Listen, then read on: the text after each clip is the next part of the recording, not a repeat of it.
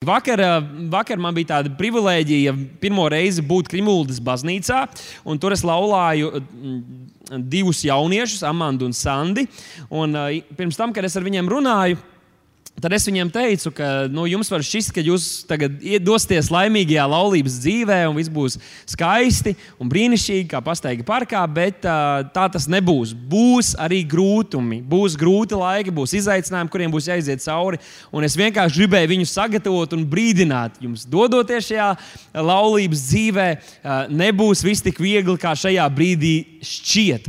Um, pagājušajā nedēļā, kā jau teicu, mums bija arī retrīts, un tur daudz, daudz no jauniešiem spēcīgi sastapās ar Dievu. Tur kāda meitene no mūsu draudzes, viņas vārds ir Marta, un viņai bija ļoti radikāla sastapšanās ar Dievu. Viņa piedzīvoja viņu, un tāds iekšējs pārmaiņas notika viņas dzīvē. Un, kad viņa man pienāca klāt un te, runāja par to, ko viņa piedzīvo, viņa teica, ka sajūta ir tāda, ka pilnīgi jauna dzīve ir sākusies. Viņa saka, jo viņa atnāca, pieņēmusi Jēzu, bet viņa tika kristīta ar svēto gāru un jau piedzīvoja pārmaiņas, tad uzreiz pēc tam viņai bija arī kristības, vai tas otrādi laikam bija. Uh, bet, uh, un, un, un tad vēl viņa slavēšanas laikā vārds uz viņu runāja ļoti spēcīgi. Viņa teica, pilnīgi tā kā jauna dzīve. Viņa man pienāca un prasīja, Dāvid, uh, es pilnīgi jūtos, ka man ir tā kā jauna dzīve dota, bet vai mani sagaida? grūtības, vai būs kāds, kas gribēs man nospiest tagad un atņemt to, ko es esmu iegūstis. Es teicu, droši, paļaujies to droši. To es, to es atzīmētu, ir kāds, kurš gribēs nākt tev pakaļ un atņemt to, ko tu esi iegūmis. Tāpēc, nu, Nemaz nedomā, ka būs citādāk. Būs kāds, kurš gribēs tev to laupīt. Un, kad Jēzus aicināja savus mācekļus, viņš arī tiem teica, ka būs bēdas un būs diezgan grūti. Es jums neapsolu vieglu dzīvi, bet es jums apsolu pārdabisku spēku un, un brīnumu piepildītas dzīves. Jūs mainīsiet cilvēku dzīves un aizsniegsiet pasauli tā, kā neviens vēl nav iepriekš to izdarījis. Un mācekļi teica, jā, mēs esam gatavi to darīt. Un varbūt arī tu kādreiz esi jūties, vai varbūt tu tagad jūties kā mācekļi, kuri atrodas slīkstošā laivā. Varbūt tu jūties kā Pāvils, kurš ir nomētāts ar akmeņiem un kaut kur atstāts, lai nomirtu. Varbūt tu jūties kā Jānis, kurš ilgstoši ilgstoši ir spīdzināts un atstāts vientulībā, visu aizmirst. Varbūt, ka tu jūties kā Pēters, kurš tu pat ir aizliedzis Jēzu, ka tu biji apsolījies, ka tu stāvēsi ar viņu kopā. Varbūt, kad jūties kā Simpsons, kurš spēks un redz ir laupīts, tam dēļ, ka tu spēlējies ar grēku un ar kārdinājumiem. Varbūt, ka jūties kā Dāvids, kur ģimene tika nolaupīta un iedzīva, izpostīta. Varbūt, ka tu jūties tā, bet es esmu pamanījis, ka tieši tad, kad ir grūtāki brīži, mēs vairāk spiežamies pie Dieva, mēs vairāk meklējam viņa klātbūtni. Kādreiz pat tad, kad ir izaicinājumi, kad ir grūtības, it kā laika taču ir mazāk, jo tev ir tik daudz jāņemās ar visām tām lietām, lai censtos kaut ko atrisināt. Kādreiz es sajūtu, ka ūdens smeļās mutē iekšā, bet mēs taču vienmēr atrodam laiku, iespēju mūsu dvēseles sauc un slāpes pēc Dieva klātbūtnes, jo mēs zinām, ka tikai Viņš var palīdzēt, ka tikai Viņš var mūs izvest tam cauri. Un to mēs redzam arī psalmos, kad Dāvids bija bēdīgā situācijā, eh, nu, tādā bīstamās vietās, tad viņš raksta šos psalmus un viņa dvēseli dvēseli tik ļoti atsauc arī mūsu sirdīs. Viņš saka, Dievs, Dievs, ne, ne, neatņem no manis savu gāru, ne, nepaēj man garām. Viņš saka, Dievs, es slavēšu tevi mūžam. Tava mīlestība ir labāka par zeltu un par visām tām lietām, ko es varētu iegūt. Viņš pauž šo savu sirdi. Viņš saka, mana dvēsele slāpes pēc tevis, kā izkalt uz zemi, kurā nav ūdens. Viņš saka, piemeklē mani, pieskaries man. Un mēs visi zinām, kāda ir tā sajūta, bet tad, kad ir miera laiki, Tad, kad viņam labi klājās, kad valstībā bija miers, kad kara vairs nebija jācīna, un bija citi, kas jau varēja uzņemties šīs cīņas, lai gan viņam kā valdniekam bija jābūt vienmēr kara, kara spēku priekšgalā. Labos laikos viņš sāka staigāt pa jumtiem un skatīties uz svešu, svešu vīru sievām, kā tās mazgājās. Viņš krita grēkā un viņš atnesa lāstu par savu dzimumu, par, par, par, par saviem bērniem. Ir bīstami tad, kad ir labi. Ir bīstami tad, kad ir labi. Un Bībele mums vairāk par to brīdina, ka, ok, tad, kad ir grūti, mēs piespiežamies, bet ko mēs darām tad, kad ir labi? Tad, kad mēs uzvaram, tad, kad esam cīnījušies un beidzot debesis ir atvēršās, beidzot milzis ir kritis, beidzot ģēriks mūri ir nogāzušies, nu mēs varam uzdzīvot, nu tik būs labi. Un Bībele saka, ka mums ir jābūt uzmanīgiem, ko mēs darām tieši pēc tam, kad uzvara ir izcīnīta kad uzvara ir izcīnīta. Man šķiet, ka viens no tādiem labiem piemēriem priekš mums katra šodien ir Noā. Pasaki, Noā. Noā. Noā. Kāpēc viņš ir labs piemērs? Tāpēc, ka viņš savā dzīvē piedzīvoja vienu no lielākajām traģēdijām, kādu pasaule jebkad ir skārusi. Tūkstošiem cilvēku, daudzi, kurus viņš pazina, ar kuriem varbūt viņam bija labas attiecības, pie kuriem viņš bija pircis mašīnas, un pircis pārtiku, un centies viņus aizsniegt, un pamācīt viņus, un veidot labas attiecības ar viņiem. Un kāda arī varbūt, kas viņu ienīda, un daudz tālu, kurus viņš nemaz nepazina, tika iznīcināti viņu grēku dēļ tika iznīcināti. Un viņš paglāba savu, savu ģimeni šķirstā, kad visa pasaule pārņēma ūdens. Un Jēzus teica saviem mācekļiem, viņš teica, lai mēs mācāmies no šī notikuma. Jēzus teica, ka ir kaut kas, ko mums vajadzētu ņemt vērā, domājot par to, ko piedzīvoja Noā, jo cilvēka dēla atnākšana notiks tāpat, kā atnāca šī iznīcība un plūdi Noāsa laikā. Tur visapkārt bija cilvēki, kas svinēja, kas precējās, kuriem bija bērni, kur taisīja biznesu, un vēl visādi mēģināja uzdzīvot līdz kādu dienu. Pēkšņi viņus pārsteidza šie plūdi Un viņi aizgāja bojā. Un Jēzus saviem mācekļiem teica, un arī mums viņš šodien saka, ok, būs uzvaras, būs par ko priecāties, bet neaizraujieties ar svinēšanu, jo jums ir īs brīdis, ko jūs varat dzīvot šeit virs zemes, un jums ir uzdevums, kas jums ir jāizdara. Jums ir cilvēki, kas jums ir jāizsniedz. Jums ir dvēseles, par kurām jums ir jārūpējas, un galvenokārt jums jārūpējas pašiem par savām dvēselēm. Pirmajā mūža grāmatā, 6. nodaļā, 8. pantā, mēs lasām vārdus par Noā, kur ir rakstīts, Noā atrada labvēlību Dieva acīs. Vēlāk rakstīts, Noā bija taisns un bezvainīgs vīrs savā ciltī, jo Noā vadīja savas gaitas ar Dievu. Man patīk, kā šeit rakstīti šie vārdi, ka Noā atrada labvēlību savā acīs. Un cik daudz šeit zālē ir tie, kas ir atraduši labvēlību Dieva acīs? ja jūs skatāties online, ierakstiet komentāros. Es arī atradu labvēlību Dieva acīs. Dievs ir labvēlīgi. Labvēlība parādīs man un manai ģimenei.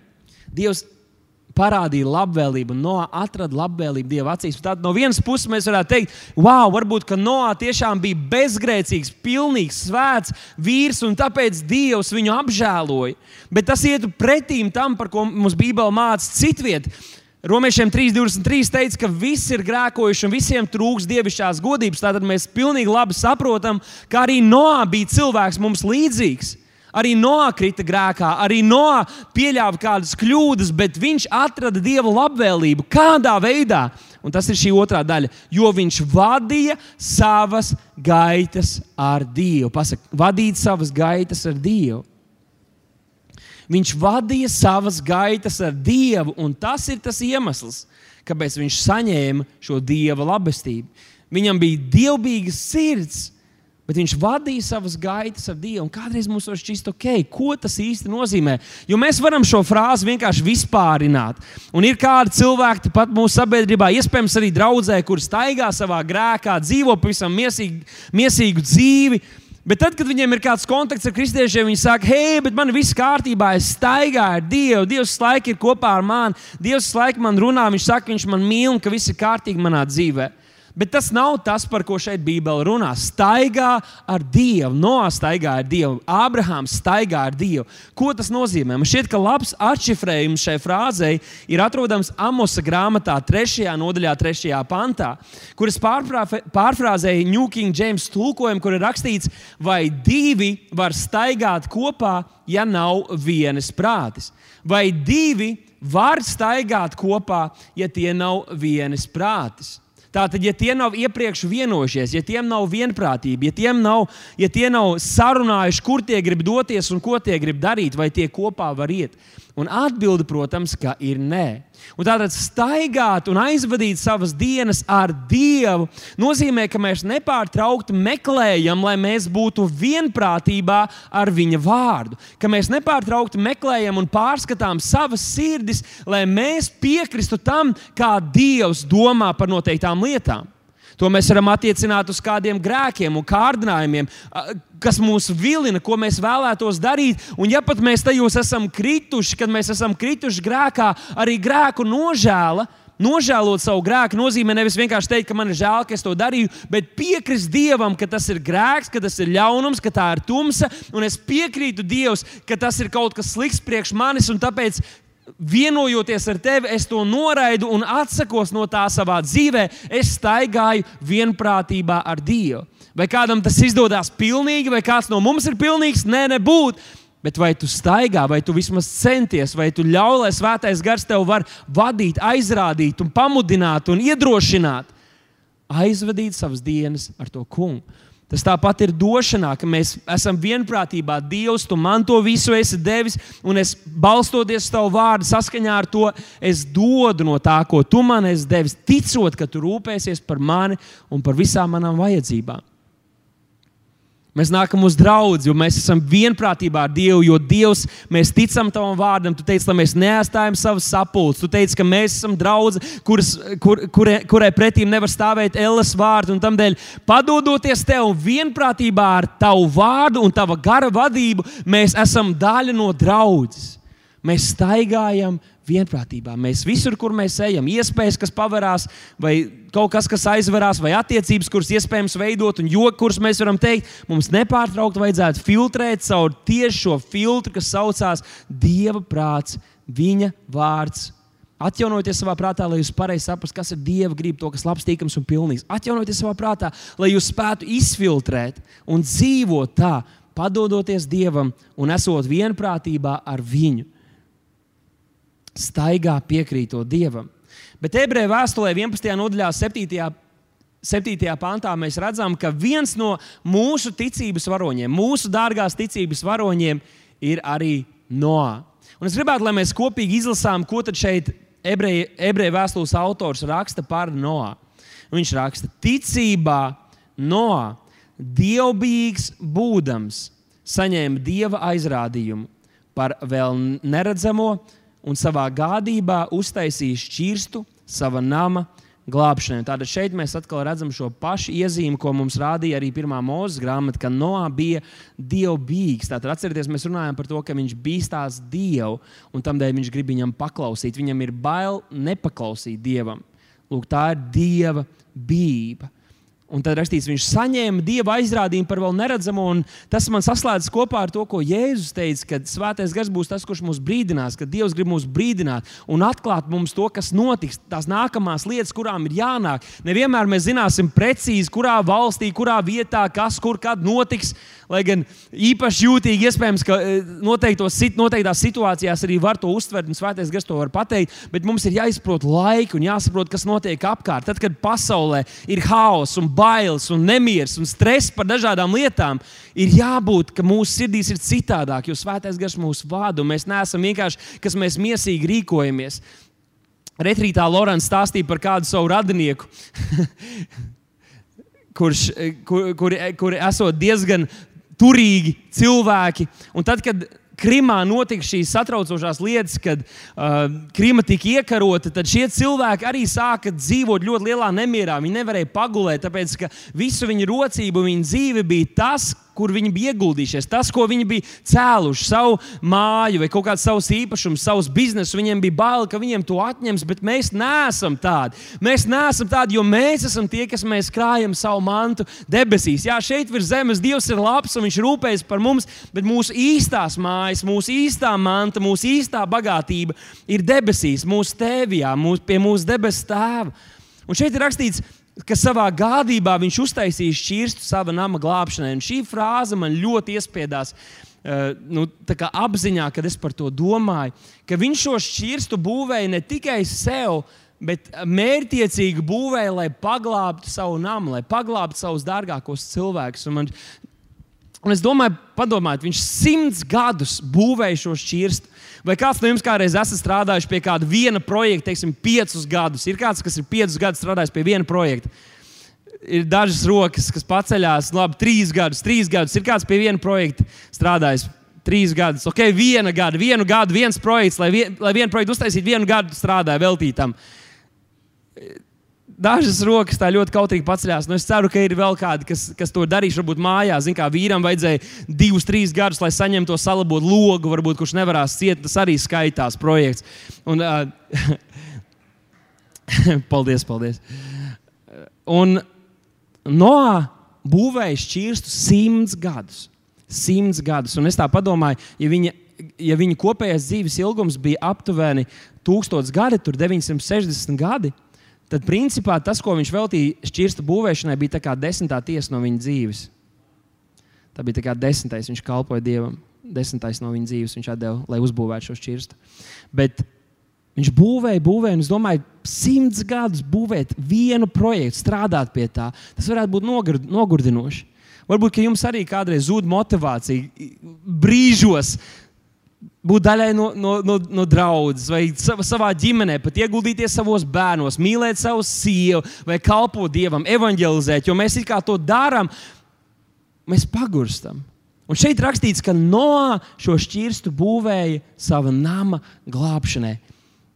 Un, ja jūs kaut ko zinat par motivāciju, tad mīlestība ir visstiprākā motivācija. Nevelti Bībelē mums atklāja, ka tā ir Dieva motivācija. Bija, tas bija tas, kas motivēja Jēzu arī tad, kad viņš teica, Tēvs, ja tas ir iespējams, lai šis biķers man paiet garām. Viņš teica, un tomēr ne mans prāts, bet tavs prāts, lai piepildās. Un romiešu vēsturē mums tiek atklāts, ka tas bija veids, kā viņš parādīja savu mīlestību. Mīlestība visstiprākā motivācija. Un Bībeli saka, ka Dieva mīlestība izliet mūsu sirdīs. Tas nozīmē, ka pat tad, kad mēs kaut ko darām, mums nevajadzētu domāt tikai par sevi. Ok, Dievs man svētīs, man tagad būs labāk, tāpēc man ir jāturpina. Bet mums ir jādomā plašāk. Mums ir jādomā plašāk. Jēzus atnāca šeit nevis lai viņam kalpotu, nevis lai viņš saņemtu, bet lai viņš kalpotu citiem un tādai dzīvē viņš aicina arī savu draugu. Viņš teica, dzīvojiet tā kā kalpi šajā pasaulē. Tā kā es esmu nācis, lai kalpotu, arī jūs kalpojat. Uzskatiet citus augstākus nekā par sevi. Kalpojiet citiem, mīliet pat savus ienaidniekus, lūdziet par tiem, kas jūs vajā. Mīlestība. Kamēr mēs dzīvojam, domājot tikai par sevi, un es zinu, ka lielākā daļa mēs tādi neesam, bet ik pa laikam laužas iekšā šī vēlme tomēr dzīvot priekš sevis. Un šodien es ticu, ka Dievs saka, nē, esiet brīvi no tā.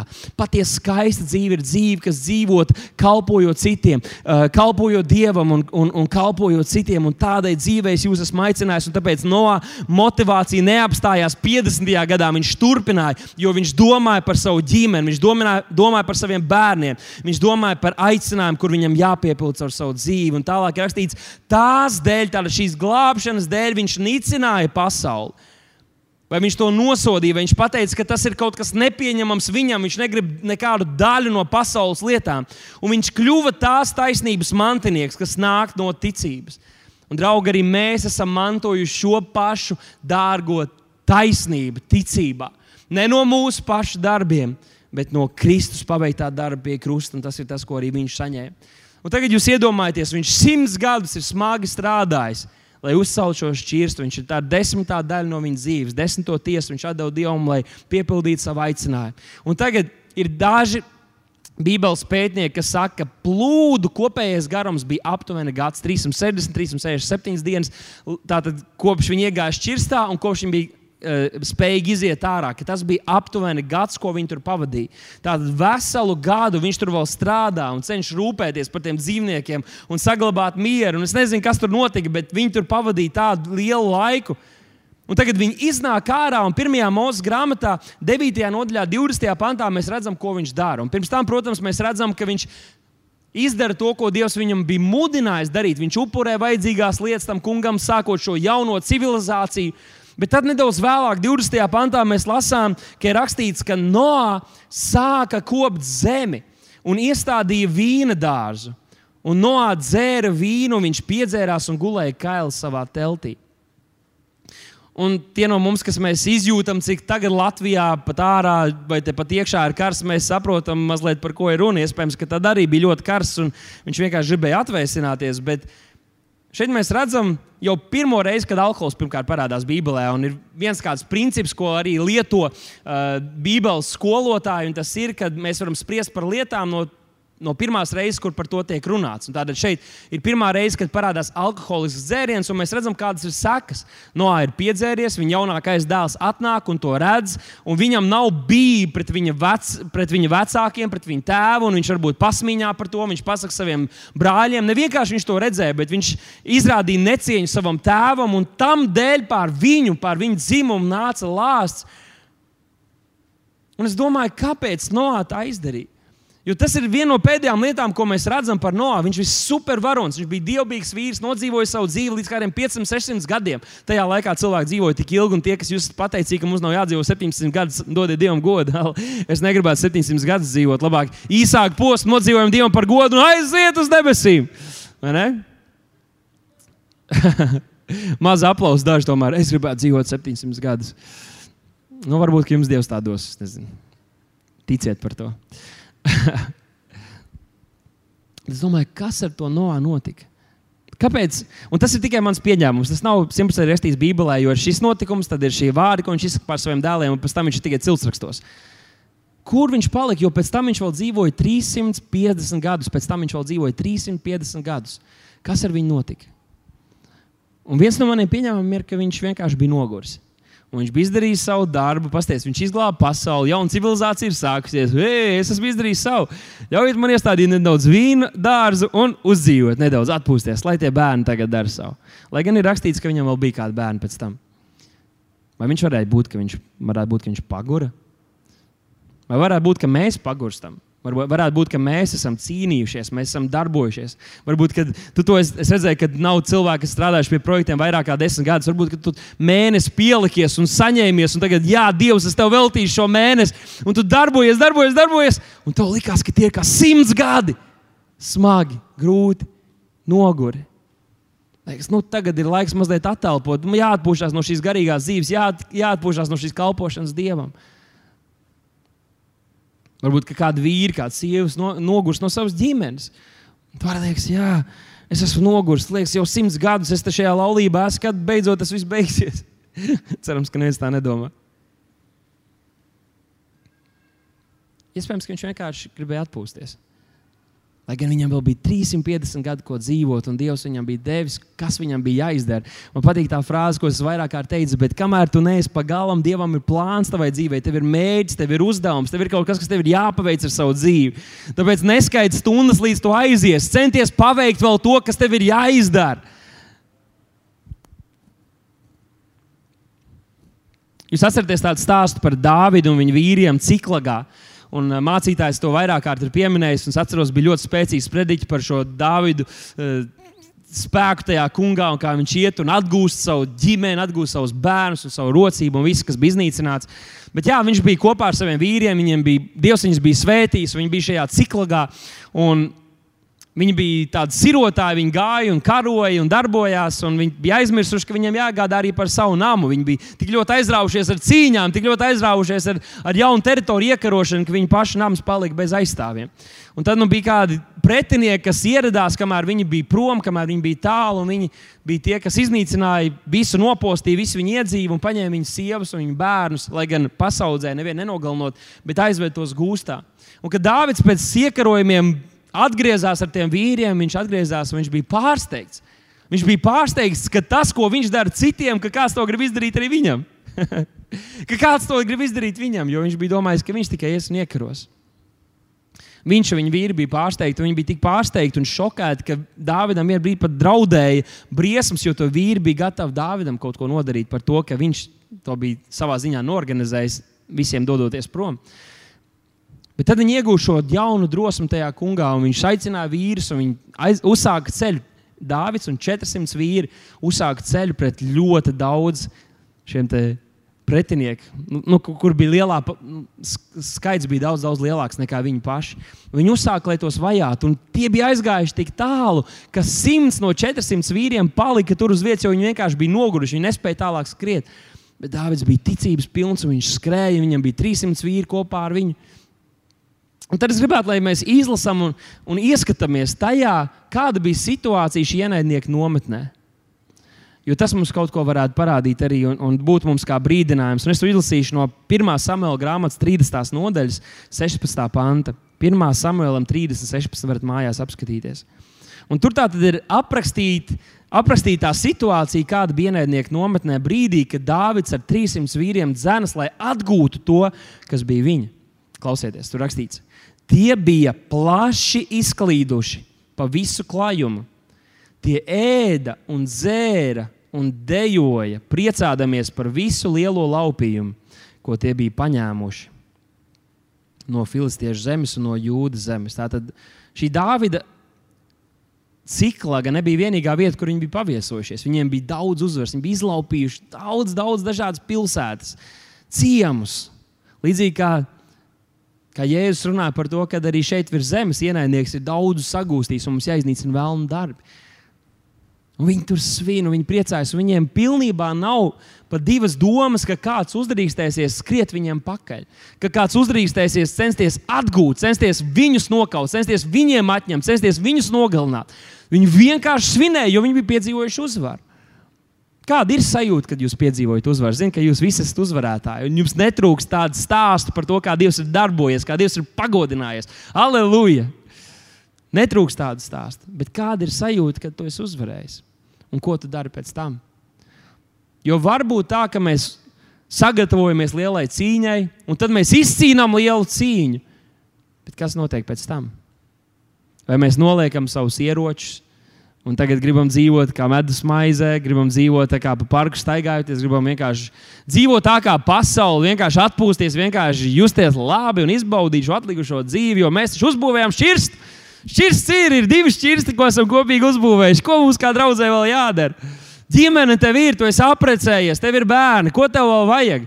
Vidusskolu tu esi pabeidzis, pamatskolu tu pabeidz. Nu, kas tev vēl vajadzīgs? Ej, taču uzdzīvo, atpūties, strunts ar Dievu, strunts ar visu ticību, strunts ar tavu aicinājumu. Noliec to visu malā. Starp citu, notiek cīņa par tavu aicinājumu. Notiek cīņa, ir garīgs spēks, kas cīnās par tavu mūžību, par tavu glābšanu, par tavu aicinājumu, lai tu nodzīvotu bezjēdzīgu dzīvi. Ja vēlams nevar atņemt tavu glābšanu, viņš centīsies, lai tu nodzīvotu tukšu, bezjēdzīgu, vāju dzīvi. Notiek cīņa par vērtībām šajā pasaulē. Mācītājs pieminēja jau šos bērnus, kurus vēl nav dzimuši, bet daudz citas lietas, kuras Dievu priekšā, kuras vēl pirms dažiem gadiem bija pašsaprotams fakts, ka tas ir kaut kas vērtīgs un dārgs šajā sabiedrībā, bet ienaidnieks cīnās. Ir mūsu sabiedrībā arī influenceri, tā saucamie Instagram, YouTube influenceri, citi, kuri klāja jūsu bērniem. Jums nezinot, saka, ka visas šīs lietas, ka tās ir muļķība, ka ģimene ir kaut kas smieklīgs, ka, bērnus, ka bērni ir kaut kas nožēlojams, un ka draudzene, ka ticība, ka Dievs, visas šīs lietas, kuras ir veselīga sabiedrības pamatā, ka tas ir kaut kas nožēlojams. Jūsu bērni tiek potēti, un jūs nezināt, kas notiek ar jūsu bērniem, tad jūs būsiet atbildīgi par to. Bet notiek cīņa par jums, notiek cīņa jūsu sirdīs. Un šie pat nenojaut to, viņi vienkārši uzdzīvoja. Un 17. pantā mēs lasām, ka Dāvids ar šiem vīriem, ar 300 vīriem, tos kāva nākamajā dienā no agra rīta gaismas līdz vakaram, un neviens vīrs no viņiem neizbēg. Izņemot 400 jaunekļus, kur uzkāpa uz kamieļiem un aizbēga jāšu. Tātad tik vīri, cik it kā sākotnēji uzsāka ceļu, lai viņus vajā, tikai tik izglābās, vispārējie tik noslapkoti. Viņa dzīves beidzās. Un man šķiet, vai nav tā, ka mēs, kristieši, kādreiz arī ieņemam šādu pati situāciju, šādu pašu pozīciju? Jā, bija uzvara. Yes! Dievs ir labs. Tagad es visu dzīvi varu dzīvot un teikt, vakar, pirms 10 gadiem, pirms 20 gadiem, pirms 30 gadiem, Dievs man deva uzvaru. Tagad man jā, jānogaida līdz debesīm, un es varēšu pastāstīt Pāvēlam, kādu uzvaru man Dievs deva pirms 50 gadiem, pirms 60 gadiem.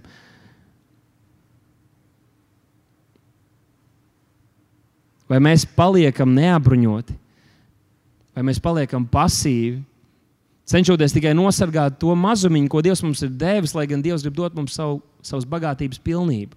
Un es, protams, nerunāju tikai par finansēm šodien. Bet ko tad šim vīram no vajadzēja darīt? Okay, Dāvid, tu tagad pateici, ka viņš tur noslinkoja un gribēja atpūsties, bet ko viņam vajadzēja darīt? Vai viņam bija kāds vārds, vai Dievs bija kaut ko runājis viņa dzīvē, vai viņš bija bijis draudzē, kad kāds sludināja, viņš dzirdēja vārdu no Dieva, vai viņam bija tāds vārds? Viņam bija tāds vārds. Pirmā mūža grāmatas, 9. nodaļa, pirmais pāns, tur ir rakstīts, un Dievs svētīja no un viņa dēlus un sacīja, klausieties, ko viņš sacīja. Augļojieties un vairojieties un piepildiet zemi. Un tālāk viņš saka, lai visi jums pakļaujas, lai jums nav bailes, dariet un piepildiet šo zemi. Augļojieties un vairojieties un piepildiet zemi. No vienas puses, protams, varētu domāt, ka Noā domāja, kāda jēga man kaut ko censties un kaut ko būvēt, jo Dievs tāpat var to iznīcināt. Tas viss var tik un tā pazust, tas viss ir pājoši. Bet Dievs viņam deva apsolījumu, ka tas vairs netiks iznīcināts. Tāda viņam bija dots apsolījums, ka tas, ko tu būvēsi, tas, ko tu cels, tas, ko tu veidos, tas pastāvēs. Un tas noderēs šīm nākamajām paudzēm. Bet par Noā mēs neko vairs citu neredzam, ko viņš būtu izveidojis, ko viņš būtu darījis, ko viņš būtu paveicis, kā vien to, ka viņš ir aizved līdz, ap, līdz šai jaunajai civilizācijas sākumam savus bērnus. Tad 350 gadus iespējams, ka viņš, viņš vienkārši atpūtās. Pirmajā mūža grāmatā, pirmajā nodaļā mēs redzam, ka Dievs, tad, kad rada cilvēku, Ādamu un Ievu, viņš tiem saka gluži tos pašus vārdus, rakstīts, un Dievs tos svētī. Un interesanti, ka mums vienmēr svētība asociējas ar to, ka Dievs mums kaut ko dos bez maksas, ka mums būs viegli, bet šeit, un tāpat Noā un Ādamam, Dievs saka, es jūs svētīju, un tā svētība ir tā, ka jūs varat ka jūs varat būt auglīgi, un jūs varat vairoties, jūs varat piepildīt zemi, jūs varat pakļaut to. Jo tieši to viņš teica arī Ādamam. Viņš teica, piepildiet zemi, pakļaujiet sev to un valdiet, augļojieties un vairojieties. No vienas puses, vairojieties, protams, runā par to, ka zeme bija tukša un cilvēki bija tikai tik daudz, un viņiem vajadzēja piepildīt zemi ar cilvēkiem pēc sava tēla līdzības.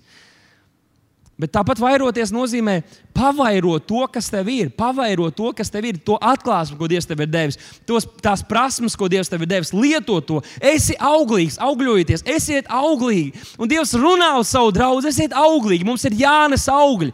Jā, mums kā draudzē ir jāglāb cilvēki, mums ir pašiem jāspīd un jāmaina sabiedrībā dažādas lietas, kuras, kuras nav saskaņā ar Dieva vārdu, bet tāpat mums katram personīgi ir šis aicinājums un prasība no Dieva būt auglīgiem. Un, Jēzus gāja tik tālu, ka viņš teica, ka tie, kas nenes augļus, tie būs iztīrīti, lai tie nestu augļus, bet, ja gadījumā tie galīgi nenes augļus, tad tie tiks nocirsti.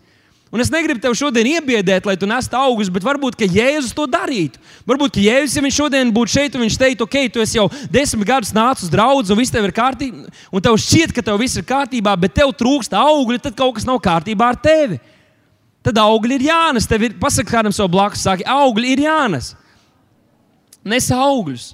Un Jēzus mācekļiem 28. Mateja evanģēlī 28. nodaļā viņš viņiem teica atkal šos vārdus, tāpēc ejiet un dariet par mācekļiem visas tautas. Man ir dota vārda.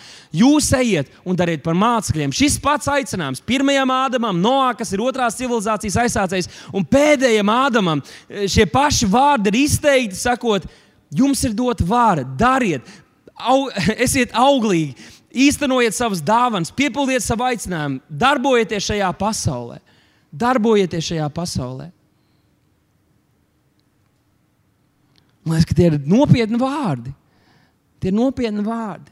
Vai mēs esam pasīvi, vai mēs vienkārši priecājamies par kaut ko, kas notika sen, par uzvaru, kur mēs izcīnījām, vai mēs esam gatavi izcīnīt jaunus. Un ne tikai ar draugu aiz, aizsardzību un ar, ar mācītāju svētību censties nosargāt to, ka mēs nepaliekam slimi, bet palīdzēt arī citiem kļūt veseliem. Palīdzēt arī citiem iznākt no tumsas. Palīdzēt, lai izveidot biznesu, aizsniegt cilvēkus, dot darbus Latvijā cilvēkiem. Daudz cilvēkiem vajag darbu. Kur viņiem dos darbu? Jūs viņiem dosiet darbus. Jēzus teica, mācekļi teica, tad cilvēkiem gribēsies ēst, tad cilvēkiem nav darba. Ja? Saku, jūs viņiem dodat. Kāpēc jūs gaidat, ka pasaulē būs kādi uzņēmēji, kas uzsāks liels uzņēmums, kas var nodarbināt cilvēkus? Jūs darat to. Kāpēc nē? Kāpēc ne jūs? Nēmijas grāmatas 4. nodaļā, 17. pantā mēs redzam stāstu, kur, kur Nēmija ir šis vīrs, kurš sirdī ir Dievs liek sāpes par Jeruzalemes mūriem, kur tika nobrucināti, kad Jeruzaleme bija nopostīta. Tas bija kā apsmieklis ar apkārtējām tautām par, par Dievu, par Dievu tautu. Un viņš uztvēra to personīgi, pasakā personīgi. Viņš uztvēra to personīgi. Viņš teica, nē, nē, nē, man kaut kas ir jādara lietas labā. Es negaidīšu, kad celsies nākamie ķēniņi, vai kā māsais kādā dievkalpojumā teica, mēs taču nepieļausim, lai atbrauc kā ķīniešu misionāri tūkstotis grupu un izglābtu mūsu zemi. Nē, tā ir mūsu atbildība. Mēs to uztveram personīgi. Tā ir mūsu atbildība. Mēs to gribam. Mēs gribam redzēt, kā Dievs darbojas ar mums, viņam glābjot cilvēkus. Halleluja! Un Nēmija bija tāds vīrs, viņš sapulcēja vēl, kaut, vēl kādus izraēlu vīrus un sievas, kas bija gatavi darboties, lai atjaunotu šos mūrus. Un te ir aprakstīts, kā viņi to darīja. Un es gribētu, lai mēs kopīgi to izlasām. Tāda Nēmijas grāmata, 4. nodaļa, 17. pāns. Tur rakstīts, un nastu nesēji strādāja ar vienu roku, kraudami, kamēr otra roka turēja metamo šķēpu un cēlāji, kamēr cēla bija apjosti ar savu zobenu ap gurniem. Tajā konkrētajā situācijā mēs īstenībā neredzam, ka viņiem draud briesmas. Vismaz cik man ir izpratne tajā konkrētajā brīdī, kad tā celšana notiek, nav tieši apdraudējums, ka viņiem tā būtu bijis jādara. Bet es parādīju šo viņu sirds attieksmi un izpratni par laiku, kurā viņi dzīvo.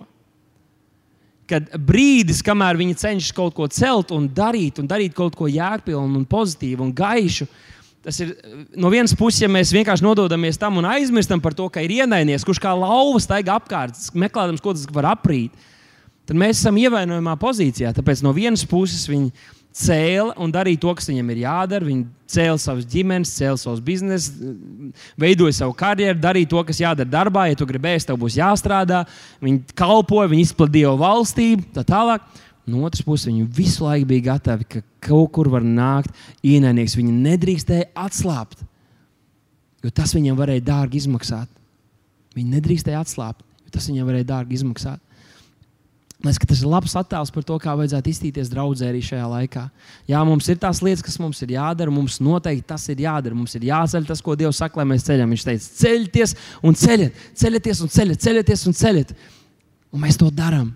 Bet tāpat laikā nenometīsim savus ieročus. Ja tu esi piedzīvojis uzvaru, nenomet tos ieročus zemē. Esi gatavs, ka ienaidnieks var nākt atkal, lai tevi iznīcinātu. Mana pārliecība ir tāda, ka tajā situācijā ir divi veidi, kā cilvēks var rīkoties. No vienas puses, tu vari pēc uzvaras atslābt, līdzīgi kā šie cilvēki cilvēki, cik, kas bija iekarojuši ciklāgu un svinēt un priecāties, un vajag arī pasvinēt, un vajag kādreiz atpūsties un papriecāties. Pat Pāvilam bija reize, kad viņš aizbrauca uz kādām salām, kur nav rakstīts, ka viņš sludina evaņģēlīju. Viņš vienkārši atpūtās. Kā nekāda pārmetuma par to. Bet tad, kad tu esi nokāpis vienu milzi, viens variants ir tāds, ka tu tik ļoti svini un priecājies, ka viens milzis ir nokritis, kad atnāk viņa brāļi un atnāk viņa draugi un pārsteidz tevi nesagatavot, jo tas tā notiks. Jēzus teica, ja tev viens gars atstāja, bet tu neko nedari, tu nepiepildies ar pareizo garu, tu nepiepildies ar dzīvību, tad atnāks septiņi vēl sliktāk un piepildīs tevi. Tātad mēs nevaram vienkārši lai labi viss ir. Nē. Vai nu tu svini, tad tu tiks pārsteigts, vai arī tu nokauji vienu, un tu skaties, kur ir nākamais. Un šodien šis vārds saucās, kas nākamais? Kas nākamais? Kas nākamais? Neļauj, lai pasaule tev pārsteidz. Kā, uh, kas nākamais nāk, atkal man uzbruk, kas nākamais nāk, man pārsteigt, kas nākamais nāk, man atņemt kaut ko. Nē, mēs esam aktīvā ticības pozīcijā. Mēs esam draugi, kas mēs iznīcinām vēlna darbus. Un šī pavēle, un šī pilnvara neatiec tikai uz mācītājiem, kādiem kalpotājiem, bet katru vienu no jums. Katru vienu no jums. Būt aktīvā pozīcijā. Un zini ko? Ja tu nokāpi kādu milzi, pastāsti par to, dod dievam godu, bet meklē nākamo. Jo ir vēl milži, kuriem ir jākrīt. Ir zemes, kuras mums vēl jāiekaro, ir cilvēki, kurus mums vēl jāizglābj. Ir brīnumi, kuriem vēl jānotiek. Kāpēc ne caur tevi? Un noslēdzot, es gribētu jums iedot kādu raksturvietu no Iesaijas grāmatas 54. nodaļas. Iesaijas 54, un jums visiem noteikti ir labi zināma 53. nodaļa, ko mēs bieži citējam, lai cīnītos un saņemtu ticību par Dieva apsolījumiem. Bet šeit 54. nodaļā, un tur arī, protams, daudz plašāk ir un vairāk tajā. Bet tur no 11. panta es gribētu jums izlasīt un vienkārši parādīt to, kā, kā Dievs runā un kādu apsolījumu Viņš dod tiem, kas jūtas salauzti. Tiem, kas jūtas tagad, varbūt, ka jūs ejat kādam grūtam laikam cauri, vai esat izgājuši, jums gribas atpūsties, un ir smagi. Un liekas, ka jūs it kā uzvarējāt, bet jūsu mūri ir sagrauti. Lūk, kādus vārdus Dievs runā pār mums šodien. Tu saliek tā dzīves vētru daudz mētātā. Tu nekad neiepriecinātā. Redzi, es likšu tavus akmeņus zināmas rotas rakstā, un safīrus tev pamatos. Es celšu tavus torņus no kristāla un tavus vārtus no rubīniem, un iezīmēšu visas tavas robežas ar dārgakmeņiem. Visi tavi dēli būs tā kunga mācīta un meitas, aleluja. Un liels būs tavu dēlu un meitu miers tu spēcīgi balstīsies savā taisnīgumā, kā Noā to darīja. Atraisies no bailēm, dzirdiet, atraisies no bailēm, jo tev vairs no kā nav jābīstas. Esi tālu projām no šausmām un briesmām, jo tās tev neuzbruks. Zini, ja pret tevi kāds vērš uzbrukumu, tas nenāk no manis. Un kas saceļas pret tevi, tas kritīs tevis dēļ. Kas saceļas pret tevi, tas kritīs tevis dēļ. Pasak to pie sevis, slavētājs varētu uznākt. Pasak to pie sevis, saki, kas saceļas pret mani, tas kritīs manas dēļ. Mans Dievs par to gādās. Mēs varētu iet tālāk un teikt, tie, kas saceļas pret Dievu un viņa svaidīto, tie kritīs viņa dēļ un viņa spēkā. Tie, kas izplata tumsu, zaudēs viņa vārda dēļ.